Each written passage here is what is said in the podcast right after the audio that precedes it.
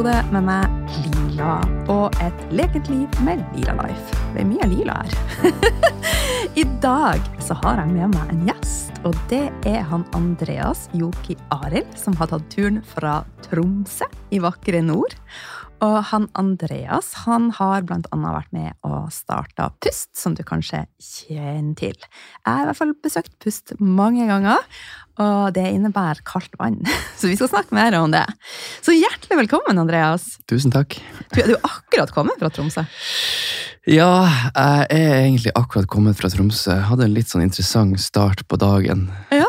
Hvor eh, jeg hadde satt på vekkerklokka på det tidspunktet jeg skulle forlate leiligheten, og ikke når jeg skulle våkne. Så det ble jo en liten overraskelse. Så da måtte jeg ta noen dype pust og tenke litt over hvordan jeg tok veien videre. Eh, Men det var en veldig fin mulighet å øve på det som er liksom fremst i pannebrasken min, Ja. nemlig å liksom akseptere virkeligheten som den er. da. ja. Så det gjorde jeg bare på litt sånn intuitivt. Ja. eh, Bevisst, men deretter intuitivt. ja. Og det var veldig Virker som liksom Kosmos har uh, lagt en liten sånn uh, Ja, liten lite lureverktøy i, i energifeltet der. Ok, så alt gikk bra. Alt gikk veldig bra. Jeg fikk bestilt meg en ny flybillett. Uh, Og fikk også da liksom et sånn lite tidsrom som jeg egentlig ikke hadde planlagt. Som gjorde at jeg fikk starte dagen veldig fint og balansert. Jeg tenkte at du skulle si noe. Ja, det gikk bra, jeg rakk flyet. Og du bare nei, jeg bestilte meg en ny flybillett. Men da er jeg jo veldig takknemlig for at du sitter her i dag. Ja, nei, Jeg hadde veldig lyst til å komme, så det var viktig for meg. Så, men det var, det var utrolig fint å få både øve på det med å akseptere det som skjer, men også da få den muligheten til å der ingenting annet var på agendaen, til å Mm. prioritere de tingene som er viktige for meg for å få en god start på dagen. Ja, Så det har jeg liksom tatt med meg videre, så jeg følte meg veldig bra siden da. ja, så bra. Men du, i dag så er jo dagen din litt annerledes enn kanskje en vanlig dag. Hvordan er en vanlig start på dagen i livet ditt? Du, den er ganske, den var ganske lik sånn som den i dag, utenom den lille overraskelsen. da. Ja. Eh, men jeg har mine sånne morgenritualer. Ja, eh, som eh, kanskje strekker seg fra én til to timer. da. Som er et serie av masse små mikroritualer. mm. Så jeg bor midt i hjertet av Tromsø sentrum, eh, og våkner opp der. Og tilbringer litt tid med meg sjøl, beveger meg, puster. Gjør de tingene som man har lyst til å gjøre på morgenen. Og så tusler jeg ned på kaia og Mm. starter dagen i det friske arktiske vannet. da. Mm. Og det gjør du hver dag? Det gjør jeg ca. fem-seks ganger i uka, ja. Ah. Mm. Før jeg går inn i badstua, og så avslutter jeg igjen med et kaldt bad, og så går jeg på jobb. Ah, så. Så dagene mine eh, har en veldig sånn fri rolle i Pust, som jeg var med å starte. Så de varierer veldig, egentlig. Jeg har Ja. ikke noe sånn eh, A4 hver dag, egentlig. Nei. Så jeg er veldig glad i å fylle dagene mine med hendelser som det her, her jeg sitter i dag, da. Så fantastisk. Fantastisk, fantastisk. Men du, eh, vi har lyst til å bli bedre kjent med deg. Eh, når jeg inviterte deg med, så visste jeg jo at eh, du har starta Pust, var med og starta det. Jeg har også sett at du har tatt utdannelse via Audun Mykja. Mm. Eh, og jeg vet at du er fra nord, sånn som meg. Eh, og du er sikkert ny for noen av lytterne, eh, og litt ny for meg også. Kan ikke du fortelle litt om deg sjøl? Jo, det, det kan jeg godt. Eh, Jeg er jo en, da en veldig enkel gutt fra Finnmark. Født og oppvokst i Hammerfest, som eh, er verdens nordligste by. Jeg har bodd i Havøysund. Ja, det er en nordlig, en, et nordlig, mer nordlig sted. Ja. Men vi har, det har i alle fall vært en sånn litt sånn patriotisk greie med Hammerfest. Ja. Og, um, og der er jeg jo så heldig at jeg har Føler jeg i alle fall at jeg har vokst opp midt i naturen. Mm. eh, og vært ute siden jeg var til jeg, før jeg kunne gå, stort sett hele dagen. Og ble ble dratt med, av og til mot min vilje, på isfisketurer på Finnmarksvidda eh, fra før eh, ja, fra jeg var født, egentlig. Eh, og liksom vært veldig takknemlig nå i senere tid, Ja. når jeg er blitt mer voksen, og den bakgrunnen som jeg har da, eh, fra naturen, til, som har fått en stor, blitt stor og viktig del av livet mitt. Eh, selv om jeg setter veldig pris på alle de urbane kvalitetene som vi omgir oss med. da. Mm. Så de kontrastene eh, Kontrastene betyr mye for meg. Mm. Og det er jo litt sånn som jeg har det i mitt liv òg. Jeg elsker nord og naturen, men så elsker jeg Oslo. Det er liksom, De utfyller Hva er det du elsker med Oslo, da? eh, mulighetene. Eh, energien. Menneskene. Eh, for jeg går 100% min vei. Mm. Eh, og det syns jeg kanskje var litt vanskeligere i Bodø. Eh, sånn at jeg har et mye tettere fellesskap her, som forstår når jeg bare Ja, nå går jeg på tantramassasje, og de bare Ja, gå! Mens i Bodø sagt Hvorfor skal du det? Så jeg føler jeg kan Nå Podkasten høres jo fra folk fra hele landet, men eh, jeg bare elsker å være 100 meg sjøl, og det føler jeg kan være her.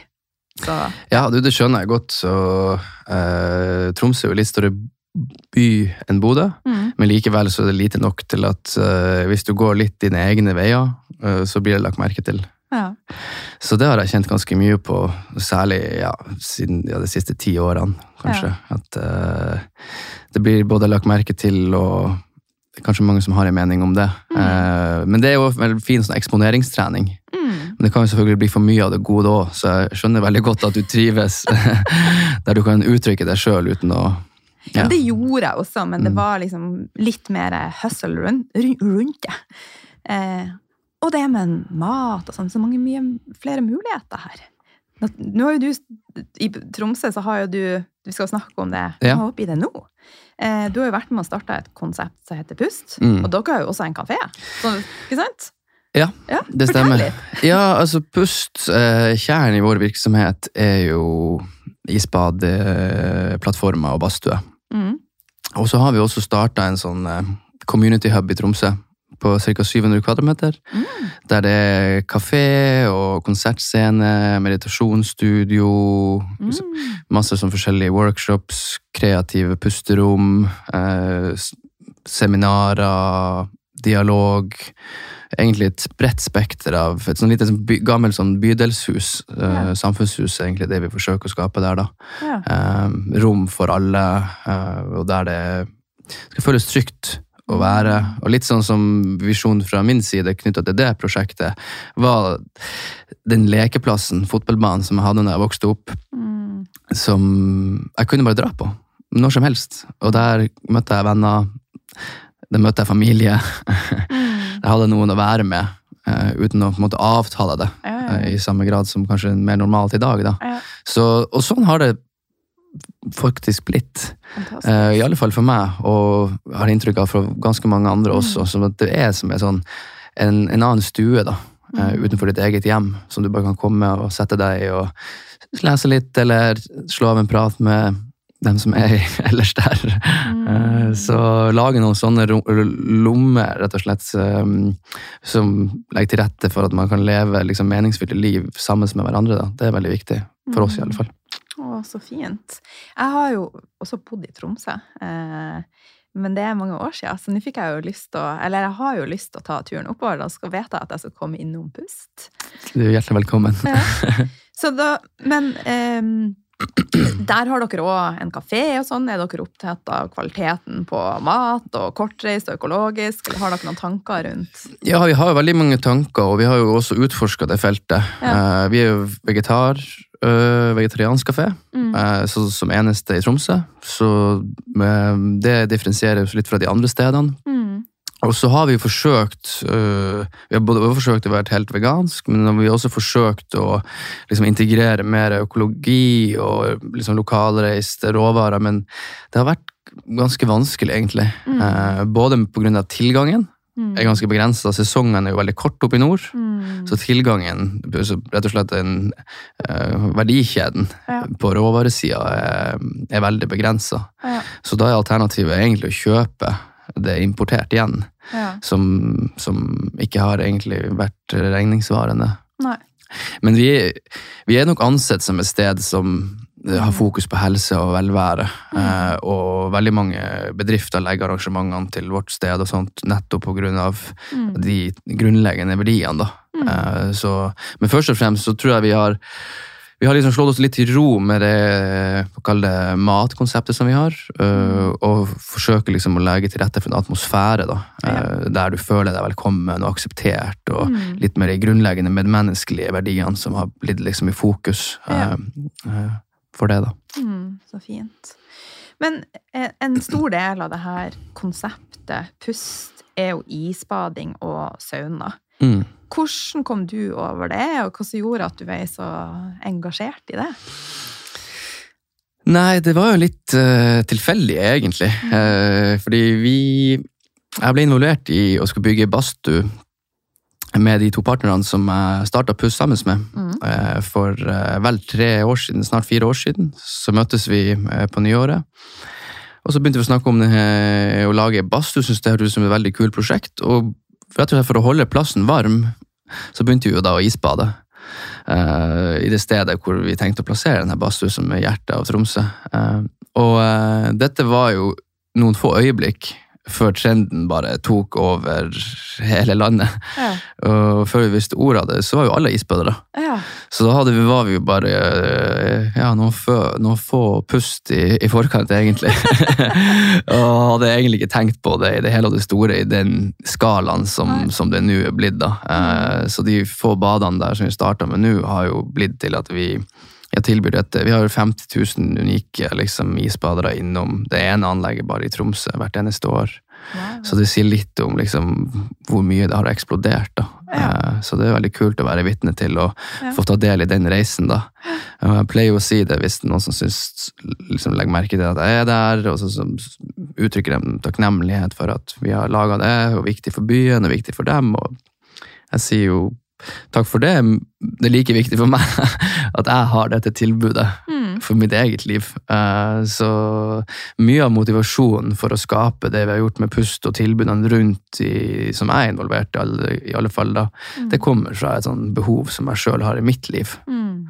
eh, For å kunne ta del i noe meningsfullt og gjøre, ja, tilrettelegge for interessante praksiser eller verktøy og sånt som kan være med på å gi verdi. da. Mm. Men hva er, hvis du skal bare gi meg en sånn kort oppsummering, hva er helsefordelene med å, å isbade? Altså, du nevnte han Audun Mykja innledningsvis. Og eh, vi hadde jo en Audun Mykja blant annet hos oss eh, på et sånt kurs eh, i stressmestring for først etablerte bedriftsledere, og så ettermiddagstid unge bedriftsledere. Og kurset handler om stressmestring. Mm. eh, og gjennom stressmestring økt effektivitet, produktivitet, lavere sykefravær og de tingene som man, man ønsker å få ut av det i en bedriftssammenheng. Da. Og han la jo vekt på at eh, han sa rett ut at det mest virkningsfulle medisin for stressmestring er isbading. Og så sier han det nest mest virkningsfulle verktøyet for stressmestring er pusten. Mm. Uh, og så ser han på meg som sitter i hjørnet, og så sier han så dere da som har lagd et selskap som lever av isbading og heter Pust, er, inne, inn- er inne på noe. så, så det Det handler jo liksom om um, å oppnå mer balanse da, Mm. i, uh, i livene sine. Uh, gjennom at man regulerer nervesystemet, som på en måte stimulerer alle vitale organene i kroppen og prosessene og sånt. Mm. Eh, Så det, det er veldig mye spennende forskning knytta til effektene og sånt. Så jeg vet ikke hvor det er interessant å gå inn på det i detaljer, men, men det er ingenting som slår følelsen, som sikkert de fleste har opplevd hvis man har hoppa Ja, ut i det kalde vannet. Ja. Helt fantastisk. Men eh, vi hadde jo en liten prat eh, i går, tror jeg det var, og da nevnte du at du ønska isbading på blå resept til folket. Ja, det, altså det er noe med det der som Det var en sånn eh, naturdoktor, Marcelo Haugen, som holdt til på uh, Ullevål hageby for ca. 100 år siden. Mm. Og han hjalp tusenvis av mennesker på forskjellige måter, som ikke var tradisjonell medisin. da. og blant annet, eh, en av de, noen av de få skriptene som fortsatt er bevart etter han, da, eh, så ga han ut uh, isbading på resept til sine pasienter. Eh, så det er liksom bare sånn artig quote, på en måte, men samtidig så er det jo ikke til å legge under en stol på uh, de effektene som vi ser mm. i alle de vi møter mm. de siste tre årene. Da. Uh, og det så mange personlige historier som går på fysiske plager som er blitt borte, mentale utfordringer som er letta. ja. som, som utallige av disse historiene, da. Ja. Som vi ikke har gjort noe for å helbrede, men de har tatt ansvaret for seg sjøl mm. gjennom å ta det steget da, og hoppa ja. ut i, i, vannet, på en måte. Så det er ganske spennende å tenke seg Og dette er jo verktøy som er gratis. Mm. I all hovedsak. Eh, mm. naturen sin medisin. Mm.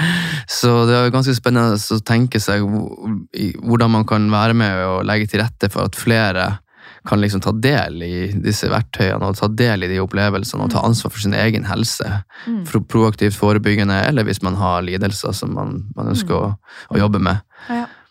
Og jeg tenker jo også, når vi kombinerer det med badstue, og kombinere det Og når vi sitter i badstua, så de fleste som er der, fokuserer jo sikkert litt ekstra på pusten.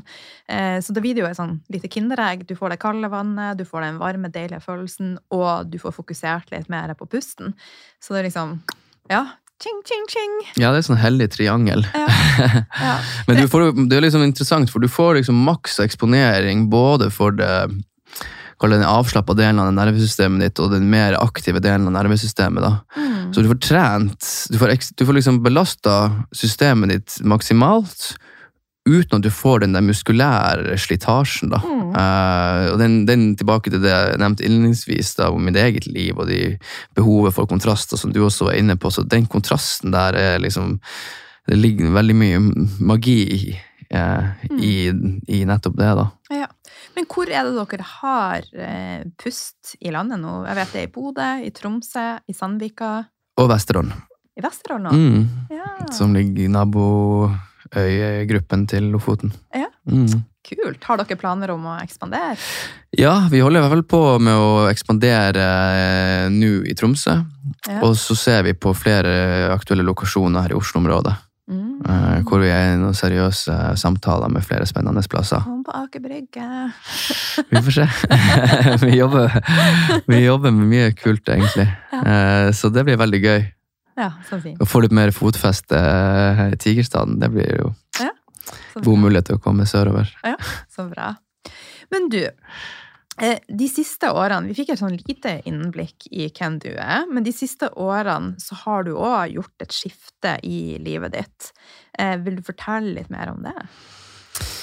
Ja, eh, på samme måte som jeg kanskje ramla ut i det her med isbading, så ramla jeg ut i en sånn stor livsforvandlende situasjon rett etter studiene. Hva studerte du? Jeg Studerte siviløkonom. Siviløkonomutdanning på Universitetet i Tromsø. Mm. Så var jeg nylig ferdig med det. Og så litt ut av det blå så fikk jeg tilbud om en toppjobb i et sånn etablert, gammelt familieselskap i Tromsø. Mm. Innenfor eiendom, da. Mm.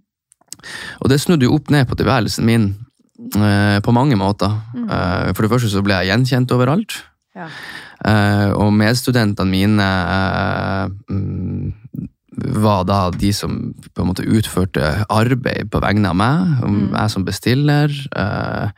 Eh, det ble helt annen privat økonomi fra å være student til å sitte i den situasjonen, for å si det sånn. Mm. Um, og lærte utrolig mye. Det var jo et sånn pangstart på utviklingstrappa ja. for min egen del, da. Uh, og det resulterte jo at jeg fikk alt på stell. Alt på stell. Alt på stell. I går til, ja.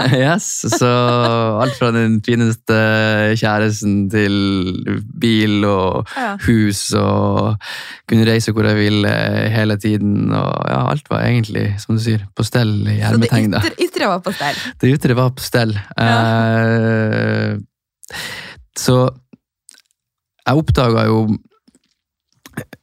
etter noen år at uh, både de prosessene, eh, den måten Sakte, men sikkert så begynte den formen for å drive business å resonnere mindre med meg. da.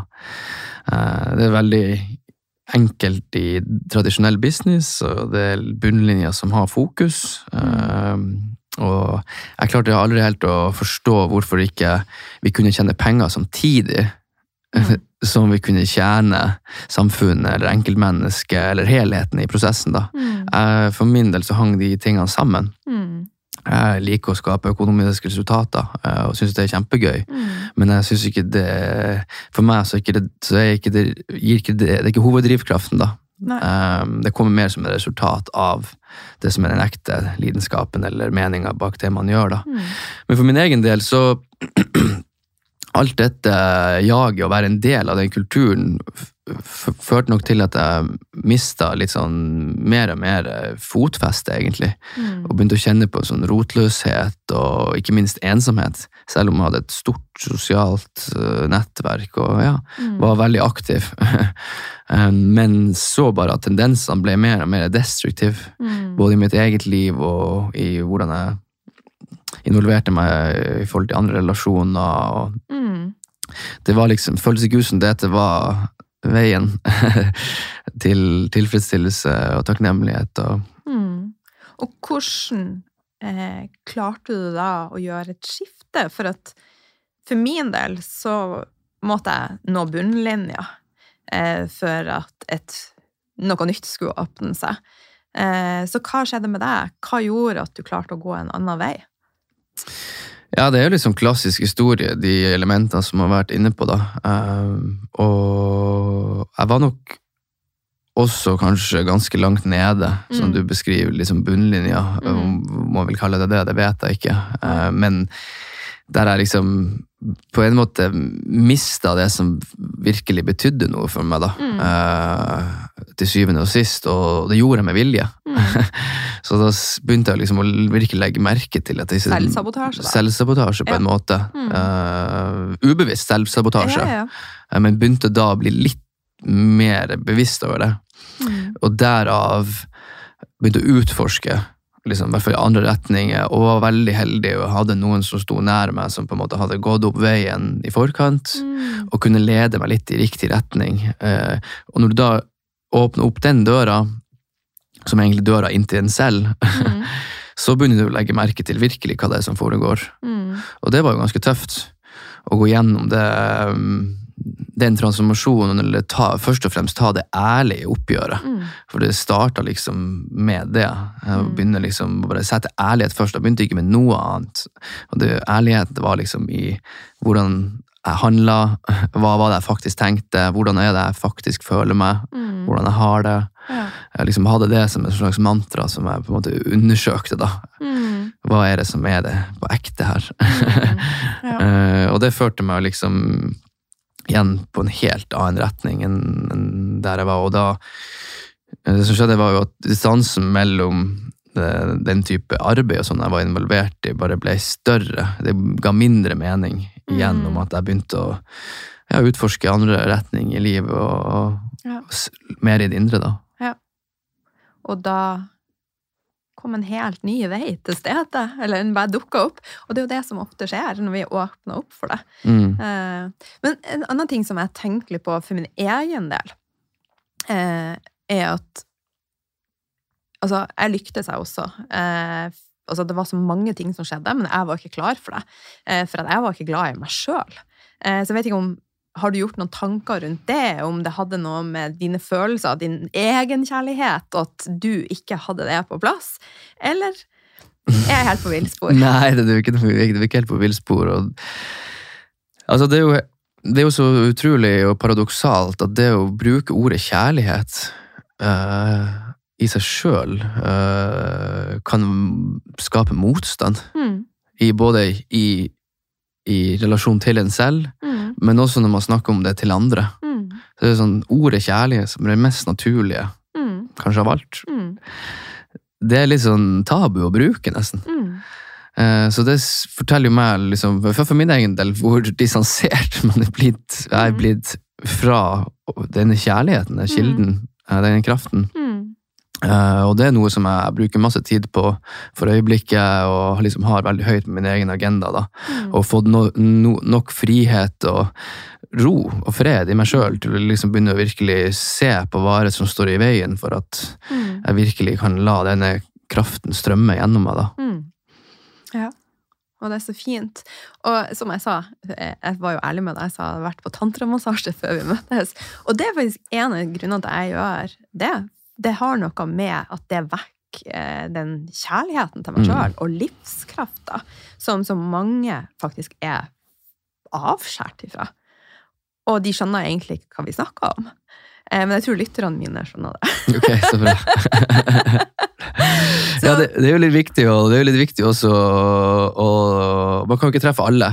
Nei, Det er ikke Men- målet. Er ikke, men samtidig så Bare sånn litt sånn For å peile oss litt tilbake på pustbordet, da. Mm. Så har liksom formålet med pust, i alle fall, et, eller en viktig ambisjon med pust, alle prosjektene vi er involvert i, Mm. er å prøve å gjøre dette så tilgjengelig for så mange som mulig. Mm. Universelle verktøy. Mm. som man nevner med pust og isbading Mm, og badstue og meditasjon og ting. Så her er jo forskjellige fasonger av noe som er egenomsorg Mm. og egenpleie, Ja, som fører til mer kjærlighet for en selv. Da. Så viktig. Eh, men klare å kommunisere det på en måte i, i det fysiske bybildet Mm. som gjør at folk ja, trør inn døra Mm. og føler at dette er noe for meg. Mm. Eh, Så det har vært veldig viktig da, Mm. i vår tilnærming i hvordan vi velger å kommunisere det. For liksom Mm. Avmystifisere Mm. uh, litt den, det som ligger rundt det spirituelle. Mm. Nettopp fordi at det spirituelle kan oppstå. Absolutt. Altså, ei dør åpner jo dører du ikke visste var tilgjengelig, og vi er nødt til å starte et sted. Og da er det jo så fantastisk, for at kaldt vann, pust og varme, det får deg jo nærmere deg sjøl. Ja, det er jo kjærlighet til deg sjøl. Ja. Ja. Det er jo Visjonen vår er jo nærmere en selv og hverandre og naturen. da. Ja. Så det ligger liksom helt i kjernen på det som, som vi forsøker å tilrettelegge for at flest mulig skal oppnå mer kontakt med livet. Mm. Men eh, du jobba i Pust i dag, så det vil jo si at du sa opp jobben din. Du fant ut at du ville gå en annen vei. Du gjorde et skifte, og det er vi veldig takknemlige for. Eh, men hva vil du si er et rikt liv for deg? Mm. Ja, altså paradoksalt nok eh, så har det også forandra seg veldig mye i meg, da. Og ikke paradoksalt nok har det forandra seg, men paradoksalt nok så er rikdom for meg blitt evnen til å gi slipp på noe. Mm.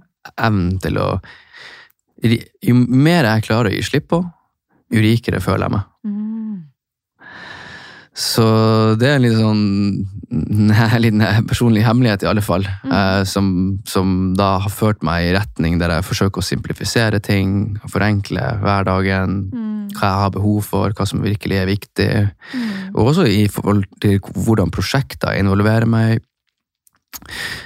Et sånn veldig praktisk eh, eksempel kan jo være et største prosjektet som jeg jobba med når jeg jobba i den forrige fase, Mm.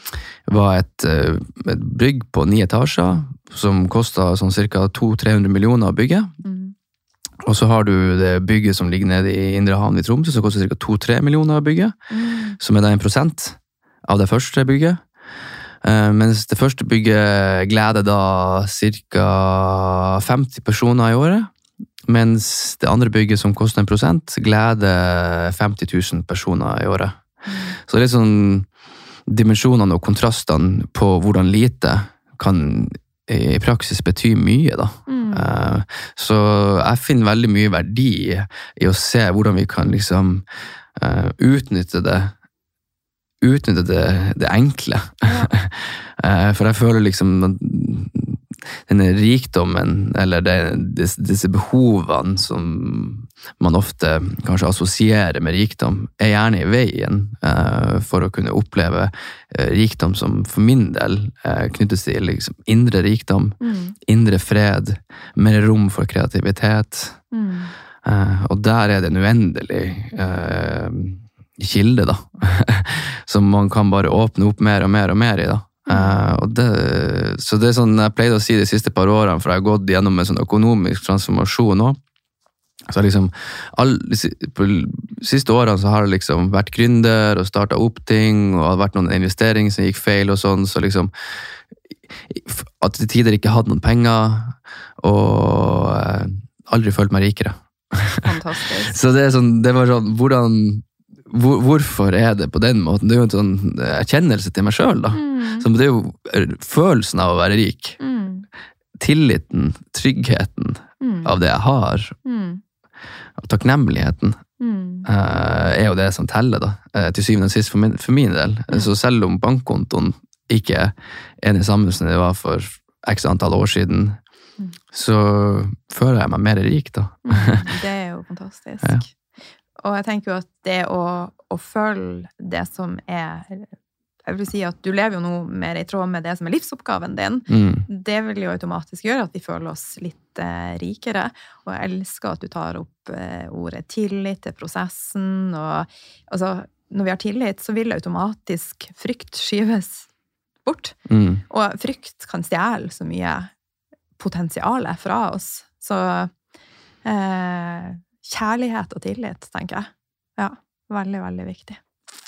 Ja, jeg satt i eh, Jeg tror det var første året vi hadde bygd ned badstua, og så første badstua, så satt jeg i det rommet der, og da var det mørkt ute, liksom, på vinteren i Tromsø. Det var mørkt ute, og jeg drev og hoppa gang etter gang ute i det mørke. Mm. Nå har vi fått på noen flott inn- undervannslys, det karibiske hav.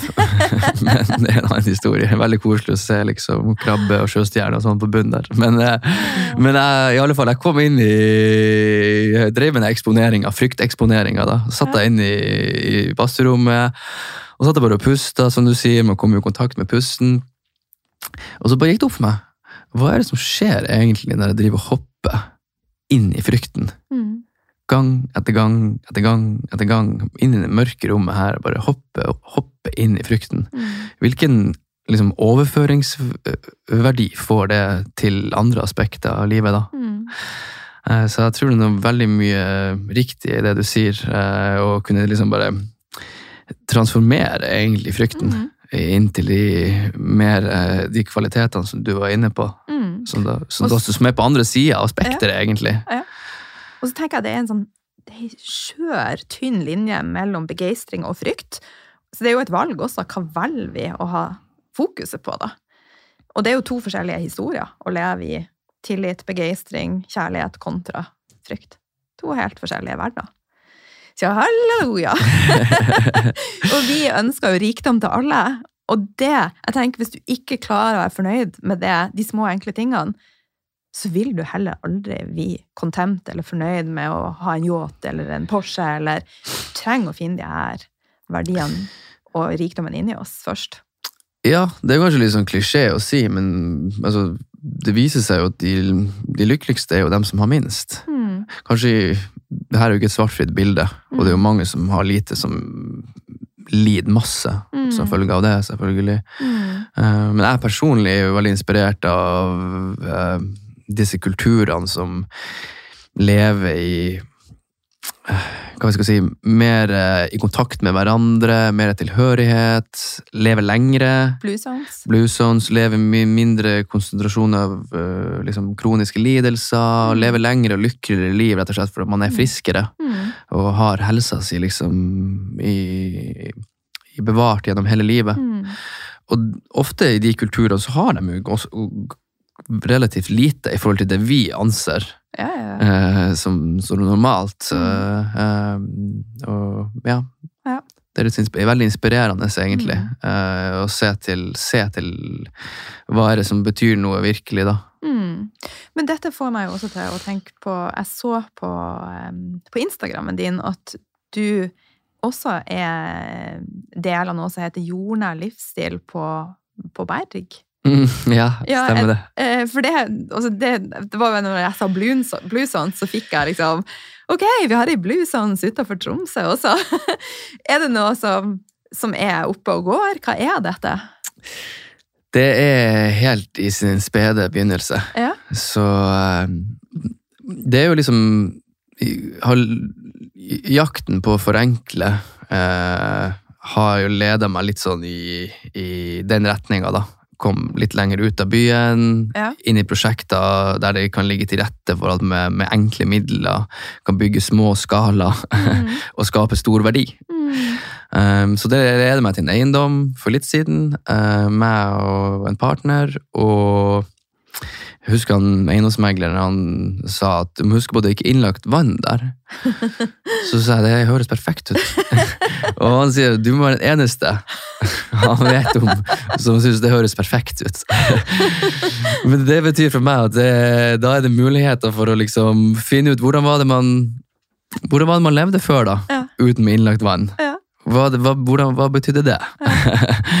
og det er liksom helt utrolig, bare sånn det å gå i en brønn og finne vann, og gå tilbake på eiendommen og sette vannet og ta i bruk vannet, for en helt annen følelse det gjør. Og ja, jeg setter pris på de moderne komforten og alt vi har rundt oss og sånn, og er storforbruker av det som de fleste andre som bor i Norge.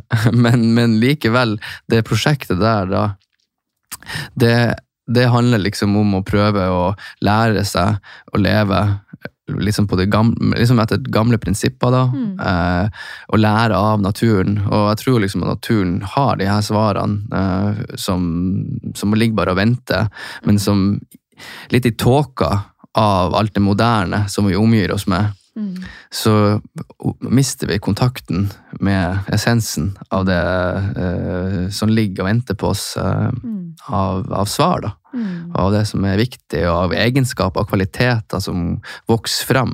Ja. Som, det er eksempel som, som jeg tror mange kan resonnere med, er å sitte rundt et bål. Mm. Sitte ute i marka, Mm. fyre opp et bål, familie eller venner, en gruppe mennesker. og Hvordan det føles. Mm. I et, på et øyeblikk så er man en enhet. man lytter til hverandre, Mm. og man ser Mm. hverandre i det man snakker, og det blir delt. Og man deler gjerne hvis man har noe. det er pølse eller sprøstekt løk, Ja. eller det man har klart å fange i skogen, Ja. eller bær noen har plukka, og sånne ting. da. Ja. Og det, sånn, det enkle Mm. eh, som mange har egentlig opplevd, Mm. det føler jeg liksom er så fundamentalt, men tilgjengelig på så mange andre aspekter da, av livet. Mm. Så det er det som vi forsøker å eh, få til da med jordnær livsstil og det prosjektet der. Så ligger det også veldig fint til med masse eh, etablerte gårder, det er gårdssamfunn i, i Tromsø, da. eh, med sånne små kafeer og ja, man har muligheten til å liksom være med og bidra til å skape kanskje en sånn mini-blue zone der, da. Å, så fint. Så det er ganske spennende, egentlig. Ja. Og så er det jo sånn hvis du lever med strøm hver dag, og hvis du lever med alle de her moderne fasilitetene, så vil det jo være en del av oss som vi ikke tenker så mye på. Men når du kommer da til berg her, Mm. og må leve uten vann, og leve litt enklere, så setter du nok mest sannsynligvis også mye mer pris på den luksusen når du kommer tilbake. Også når du kommer tilbake til berg, så er det sånn Wow, hvor deilig dette var! Så du får liksom de her kontrastene som bare vi deilig, deilig, deilig, deilig. Ja, ja, og det er jo liksom, vi lever jo i et sånn overflodssamfunn. Ja. Eh, og det å kunne lære seg å sette pris på den overfloden, Mm. det er jo en fantastisk mulighet. Ja. og jeg syns jo det er jo, er jo Det å ha behov for mindre har jo ikke gjort meg i noe eh, dårligere tilstand til å Eller har lavere motivasjon for å skape mye resultater. Så jeg har jo lyst til å få til masse, og det ser veldig positivt ut på mange områder av det som vi holder på med. Mm. Men da er det jo liksom, hva bruker man de ressursene som man klarer å skape, til? Mm. Distribusjon. Skape nye ting liksom, mm, i den ånden som det fortjener å bli skapt i. da. Mm. Um, så, så det å klare å liksom tappe litt inn i det naturens kretsløp, Mm. det er det som jeg synes jeg motiveres mest av om dagen. da. Mm. Å liksom prøve å lære seg de kvalitetene som man kan se til i naturen. da. Eh, hvor man ubetinga er der for hverandre. og ubetinga bare gir og gir og gir. Som når du planter liksom et epletre, så bare ramler det bare eple ned fra det. Mm, det er overflod naturlig. det er overflod naturlig. Ja. Så det jo klare, som du sier, vi vil jo helst at alle skal ha det bra, Mm. og alle skal ha alt de trenger. Og det Mm. står jo alle internasjonale målsetninger. Mm. det skal være likhet og balanse. Mm. Eh, Så det, jeg, tror, jeg tror iallfall det er spennende å utforske og bruke reelle prosjekter til å utforske hvordan man kan skape den kulturen Mm. og knytte seg mer til liksom, de naturlige prinsippene. da. Og jeg liker at du eh, refererer til ubetinga, for jeg tror vi lever i et sam samfunn der det er veldig mye betinga. Hvis du gir meg Mm. noe, så skal du få noe hos meg. Hvis jeg ga deg noe, da forventer jeg å få noe tilbake. Altså, det er så mye forventninger rundt alt. Mm. Men det å faktisk kunne gi noe uten å forvente noe tilbake, det er jo en fantastisk gave. Og det også kan få noe, og bare ta imot det og bare «Åh, 'tusen takk', uten å bare føle at jeg må gi noe tilbake. Ja, nei, det, det er litt på samme måte som du som var inne på det med hvor vanskelig det er å uttrykke kjærlighet. Så det er blitt blir så vanskelig å gi Ja. uten at det føles feil. Vi har ved flere anledninger vi har arrangert en festival, blant annet. Utrolig bredt og mangfoldig program i hele hel uke som var gratis. Det var ingen som trodde på det. Så vanskelig er det, er det på en måte blitt Ja. å gi. ja.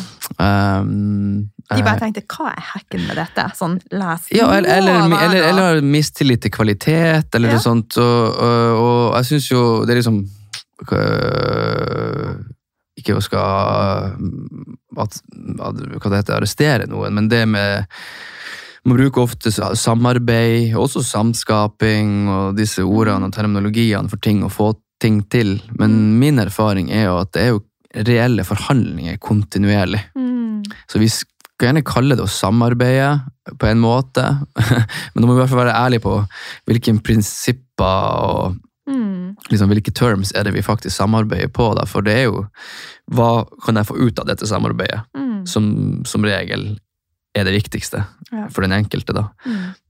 Og det med individualisme er liksom det er blitt så tatt så hardt grep i hele kulturen i samfunnet. da, Ja. at uh, det er sånn, Ikke skal skape noe mer polarisering, men liksom i alle fall komme litt i møte. Ja. Den individualismen med å prøve å liksom uh, legge til rette for fellesskap. Mm. Ja. Så jeg synes det var så, det, han venner meg som, Jeg vet du kjenner han Kasper Kristoffersen. Ja. Og de som har startet sånn initiativet her i byen i Oslo som heter ungt fellesskap. ja. Så det er sånn Det er bare sånn kjempefint eh, prosjekt eh, som ikke har noen agenda. Eh, som du føler energien i, da. Eh, som er egentlig bare å legge til rette for steder som folk kan samles og bare være sammen. Sønnen min bruker å være der. Ja, kult. Ja. Mm. Og de er jo blant annet og bader på Kyvholmen hver søndag. Og det er et fantastisk initiativ. Og der er det noe, de gir noe uten å forvente noe tilbake. De gir av kjærlighet. Og Mm. det er bare sånn helt fantastisk. Ja, og, og noen tar med kanelbolle, noen tar med kakao, Ja. noen tar med varme klær, noen gir en støttende hånd, Ja. noen vi, er der for hverandre, da. Så jeg tror, jeg tror nesten det som er så unikt med det initiativet, det er jo at det er så simpelt. Mm. Så tilbake til det med jordnær, og det er sånn der, når vi skal prøve på de her prosjektene, i alle fall, så er det sånn, jeg tror nesten man må helt ned på det grunnleggende for å kalle det endre på noe som ligger, ligger, ligger inni oss, da, som er, som er så um, dominerende. Mm. Den kulturen for hva det er som, hvordan vi egentlig opererer i hverdagen vår. Ja. Så det å bare bryte det helt ned, som du sier, og dra og bade, gjøre sånne superlavterskelige aktiviteter, Mm. er kanskje det som skal til da, for å begynne å plante disse ubetinga frøene Mm. inni oss, og de kan få begynne å spire og gro. For skal man gjøre det på nest, mer sånn komplekse prosjekter, så begynner det å blande inn mye sånn ubevisste eh, mønster, da, eh, som er dominert av, av det som er den etablerte kulturen. Mm. Det er iallfall det som er min erfaring med å ha vært involvert i masse forskjellige større samskapningsprosjekter med både universitet og kommune og Ja. private bedrifter, sånn som på papiret teoretisk ser veldig bra ut. Men når vi kommer til stykket, så er vi jo fortsatt individer som tar del i det. Og de individuelle behovene, de Mm. er ikke rydd, de er liksom Ja. litt ubalansert, da. Ja. Og jeg tenker alt handler jo på en måte om balanse og taos, som det heter. Vi Mm. ønsker jo det. Ok, men dette er jo superinteressant. Jeg elsker å prate med deg. Men eh, altså, vi snakker om hva et rikt liv er for deg. Og vi har snakka om at du elsker det litt sånn enkelt, og du føler deg rikere enn noen gang. Men hva er din sånn motivasjon i det hele? Altså, hva får deg til å velge denne livsstilen dag etter dag? Hva gjør at du ikke får lyst til å bare hoppe tilbake til jetset-livet og Det er jo kontinu et kontinuerlig arbeid. Ja. Det, og jeg nyter jo også godt av Jetset uh, liv, eller aspekter av det, i alle Ja. fall. Uh, og liker jo også uh, aspekter av det, Mm. men da i moderate doser, eller den gylne middelveien, kan du si. Men for min del så har jeg jo bare sett hvor, først og fremst hvor stor den, in den indre forvandlinga har hatt betydning for hvordan jeg føler meg. Ja. Og det å bygge videre på de tingene som gjør meg godt, Mm. jo, har jo utrolig stor verdi. Og så har jeg sett også hvor mye som ligger i potensial, hvor mye potensialet som ligger i det. I de læremestrene, mentorene og mennesker som jeg har møtt liksom, på, på min vei. da. Mm. Og det jeg ser i dem, er jo at de kontinuerlig investerer i seg sjøl. Mm. Læring, liksom introspeksjon, utforske, prøve nye ting, eksponere seg for frykt. Utvikle seg som menneske, da. Mm. Og det er en kontinuerlig prosess som bare går dypere og dypere og dypere. Og dypere og dypere. Og så blir man jo i stand til å få til mer og mer, da. Så ved, det er det jeg nevnte med det paradoksale, det å gi slipp på ting, gjør at man føler seg rikere. Uh, uh, og det, det hører liksom Ja, det hører sammen, da. Mm. For min del. Uh, så sånn, når noe fungerer, Mm. så gjør mer av det som fungerer. Mm. Det høres veldig enkelt ut, og det er like enkelt. Ja, jeg kan jo gi et praktisk eksempel på det, og det er jo eh, meditasjon, bodyscanning. Det fungerer. Derfor gjør jeg det flere ganger om dagen, og det gjør at jeg får kontakt med dypere deler av meg. Men de fleste tenker at de prøver kanskje det ei uke. Fikk ikke de resultatene jeg ønska, men det handler jo om å ha en kontinuitet i det vi gjør, sånn som du sier, du velger det her hver eneste dag.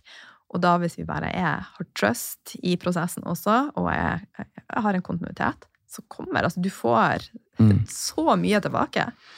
Ja. Ja, det er det er jo, det er jo vanskelig likevel å liksom ta, ha For det er jo ikke alle dager som er like lett. Det er ikke alle dager tilliten eh, like tilgjengelig når noe går imot en sjøl, eller Mm. man begynner å tvile på seg sjøl, eller Mm. frykt uh, dukker opp i energifeltet, liksom. Mm. Men da, for meg i alle fall, så har det handla om å begynne sakte, men sikkert ritualisere livet mitt. Ja. Så jeg har liksom masse mi mikroritualer som er sånne små anker. Mm. Og disse mikroritualene er jo noe som jeg tar med meg om jeg er på reise, eller om jeg er hjemme i mitt eget hus, eller hvor enn det måtte være. Mm. Og fungerer da som anker som det er helt å finne tilbake til. Jording. Jording, Ja. på en måte, ja. Eh, og, og, og det, men det er jo også noe som er bygd opp over tid. Mm. Så jeg begynte ikke med alle disse mikroritualene eh, på en, gang, en og samme gang. Nei. Det var liksom ett og ett og ett og ett. og ett. Mm. Slik at det begynner å sakte, men sikkert liksom har blitt mer sammenheng mellom det jeg tenker, Mm. og det jeg sier, og det jeg gjør. Og det er jo Kanskje sånn, hva du føler også. og det jeg føler. Ja. Så det er sånn, og den får du Dalai Lama sier jo at jo mer sammenheng det er mellom de elementene, jo mer fred opplever du i ditt eget liv. da. Mm. Så det å ta ansvar for hvordan du ønsker å leve livet ditt, med sånne mikroritualer som jeg kaller det her, eh, det har i hvert fall ført meg inn på mer en sånn intensjonell retning. Mm. Så selv om noe oppleves så vanskelig, eller hva enn det er som skjer, da, så møter jeg det på en annen måte. Mm. Møter jeg det kanskje med de kvalitetene som til, tillit og Mm. aksept, ikke minst, som jeg var inne på her på starten av dagen. Ja, ja, Når ting endrer seg, omstendighetene Ja. endrer seg, da. Ja. uh, eh, og da vokser jo de kvalitetene i en sjøl, da. Mm. Da vokser jo de kvalitetene i alt man, man foretar seg. Mm. Og Det blir jo som å gå på gymmen. Vi trener jo opp den muskelen, da. Ja. Men kan du gi oss noen eksempler på de her mikrovanene som du har? Du har sagt noe, men Har du noen flere eksempler? Ja, jeg har jo vært blant annet på øh, kurs hos Audun Mysja, som du var inne på. Så du de har lært meg noe som heter tibetanske ritene. Ja. Som du kanskje har hørt om. Ja, ja. Så de praktiserer jeg da hver morgen. Ja. Men så er det alt fra liksom Tibetanske riter er jo veldig enkelt eh, sett av øvelser som kombinerer bevegelse og pust, og kan Mhm. ta alt fra 5 til 15 minutter. Mm. Men bare det krever jo litt. Mm. 5 til 15 minutter. Det er ikke bestandig man har det heller. så, så det handler liksom om å bryte det ned til et øyeblikk, da. Ja. Eh, om, så jeg, som, eh, en, noe som jeg liksom av og til pleier å tenke på, så mange som sier at de ikke har tid til meditasjon, Mm.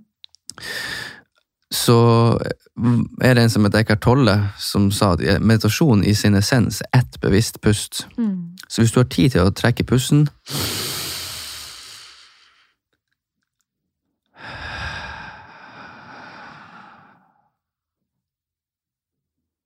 Så har du meditert. Mm. Så for eksempel når jeg skal hoppe ut i havet, for hver, en, hver eneste gang jeg gjør det, Mm. så har jeg litt sånn litt ritualet som kommer fra Sør-Amerika, som eh, åpner opp liksom eh, eh, energifeltet mitt eh, henhold til liksom tradisjon. Mm. Når jeg stuper ut i det, i, før jeg stuper, så vet jeg at intensjonen min er her å rense meg selv. Mm. Idet jeg, kommer- i det jeg kommer opp av vannet, så trekker jeg legger, samme bevegelse med armene, trekker dyp pust inn, ser opp på skyene, hvordan de beveger seg. Ligger der, eh, studerer, observerer skyene. Hva er det som skjer i meg, hva er det som skjer på skyene? Mm. Beveger meg videre bort til eh, badestigen. Har mine antall pust i badestigen. Beveger meg mindful opp av badestigen. Setter meg med mm, badstua på noen benk som vi har stående der. Har noen sånn dype pust. Mm. Uh, samme ritualene kontinuerlig, da. Um, og, og av og til så er det ett pust. Mm. Et sirkulært pust. Så jeg bruker å ha noe som heter sånn HRV-pusting, der man puster langsomt inn og langsomt ut. Og av og til sitter blir jeg sittende lenge, da. Ja. Og, men så, så disse tingene er jo ett pust, mye av det. Men i sum så blir det jo til en halvtime praksis. Mm. Så, så det å klare å bryte det ned i, i, eh, i øyeblikk, da, Ja. det har hatt stor betydning for min del. Ja. Og når jeg da ser på plutselig liksom dette, oi, dette hva det har blitt til, Ja. uh, og så hva, hva er betydninga av den grønne jusen? Mm. Hva er betydninga at du går og lager deg den grønne juicen? Eh, og nå i, nå i høst så har jeg drukket grønn juice hver dag, og jeg var så heldig og fikk liksom gå og høste grønnsakene selv. Og liksom hadde det liggende som jeg bare kunne ta ei hand med grønt når jeg gikk fra hjemmet mitt, og så bare gikk jeg ned på arbeidsplassen og så laga meg liksom grønn juice der. Og det går i, gå gjennom gata med en bunt eh, grønt i handa. Det var en veldig god følelse. Og så er det sånn masse fine, eh, rike liksom, helseeffekter av den grønne jusen. Ja. Men tilbake til hvorfor gjør du det? Hvorfor gjør jeg det? Mm. Så jeg vet jo at jeg gjør det for meg sjøl, og så gjør jeg det jo for alt det jeg er involvert i. Og de menneskene jeg møter. Mm. Det er jo derfor jeg gjør det. Det er intensjonen min. Det er jo for å kunne liksom, ja, ha en mer positiv påvirkning på mine omgivelser. Mm. Hvis det gir mening. Absolutt. 100% Så da, da, da, gir, da gir det kraft. Så jo mer mening vi har bak våre liksom, handlinger og følelser og tanker, jo mer kraft får man til for å gjennomføre det. da. Mm. Og det er jo noe kraft som igjen bygger opp over tid. Mm. Ja. Altså, alt er jo energi, og jeg tenker jo at eh, jo mer energi vi klarer å, og romme i oss sjøl, jo mer energi har vi jo å gi. Så et eksempel fra min verden nå Den tidligere meg så ikke nyheter. Mm. Eh, jeg vendte meg bort fra kriger. Mens nå klarer jeg å se med åpne øyne på det som skjer i Palestina, og jeg klarer å gjøre det uten at jeg kommer i frykt. Mm. Jeg bare sender masse kjærlighet og engasjerer meg. For at den krafta er så stødig i meg sjøl. Men jeg har 100% respekt for at alle er ikke der. Men jeg har bygd opp min energi, min frekvens, sånn at jeg står stødig i det. Mm. Og jeg tror det er så viktig. Verden trenger lysarbeidere, men verden trenger også lysarbeidere som ikke vender seg bort fra de vanskelige tingene. Så det var Ja, det gir sånn- mening. Ja. Ja.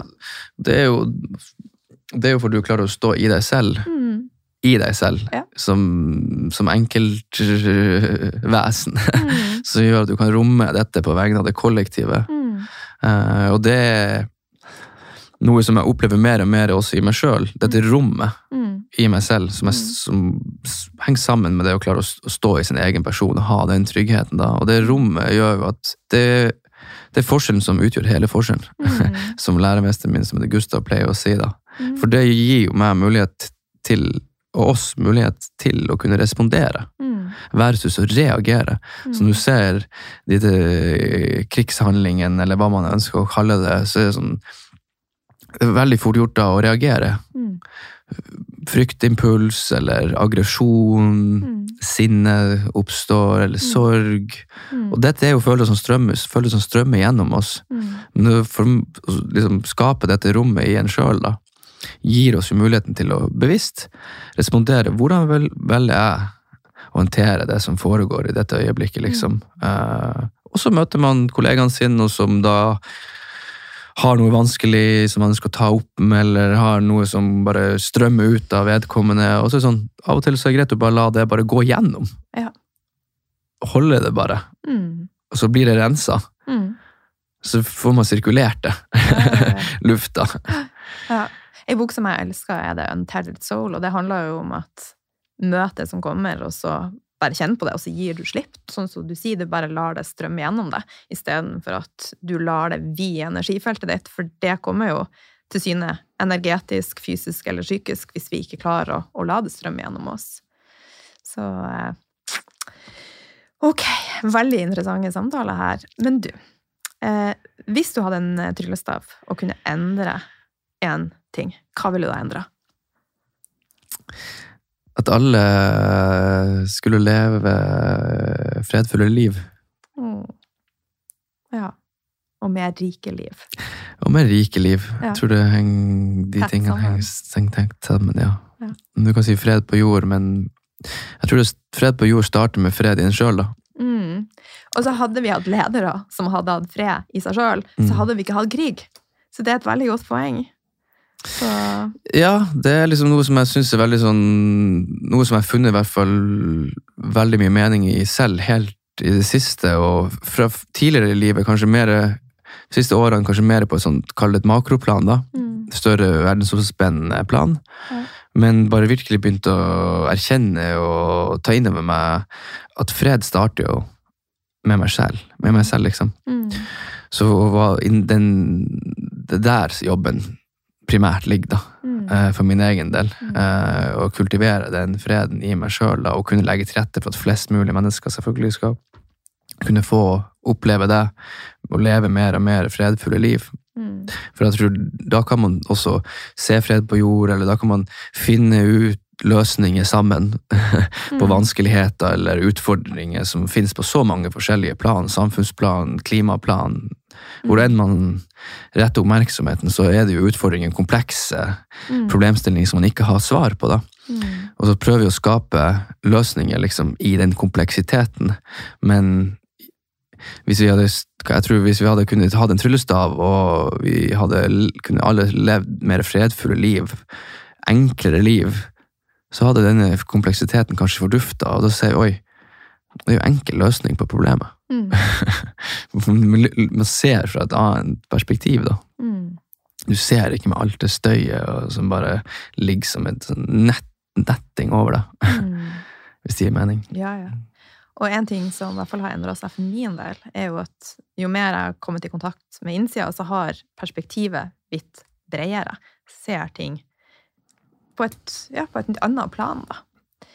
Så um, vi har vært innom mye. Uh, er det noe som du kjenner at bare brenner inni deg, som du har lyst til å tilføye, som jeg ikke har spurt deg om?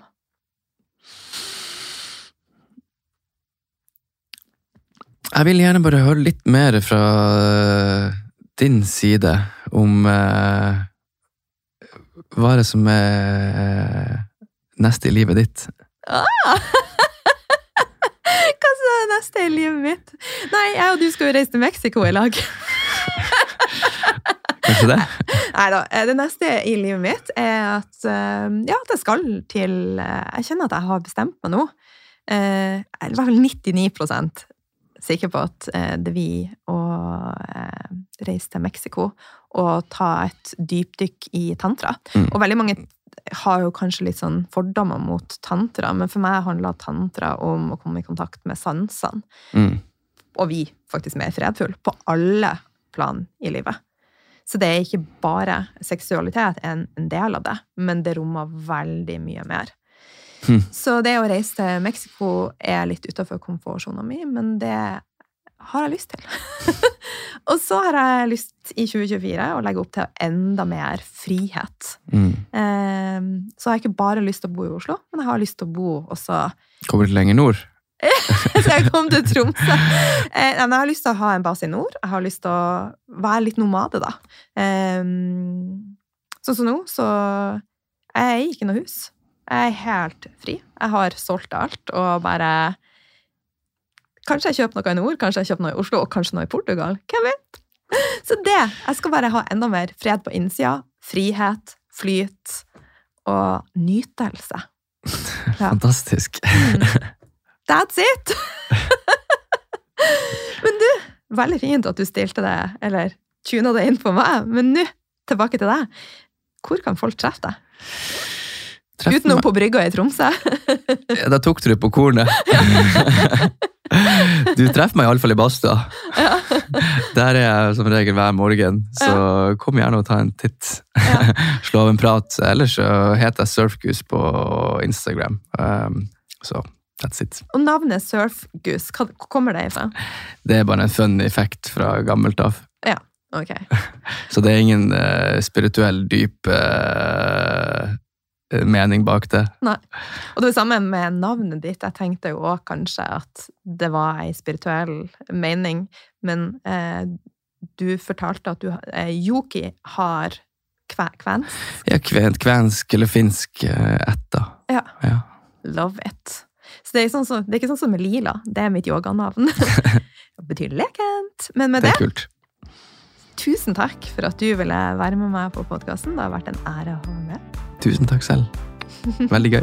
Så fint.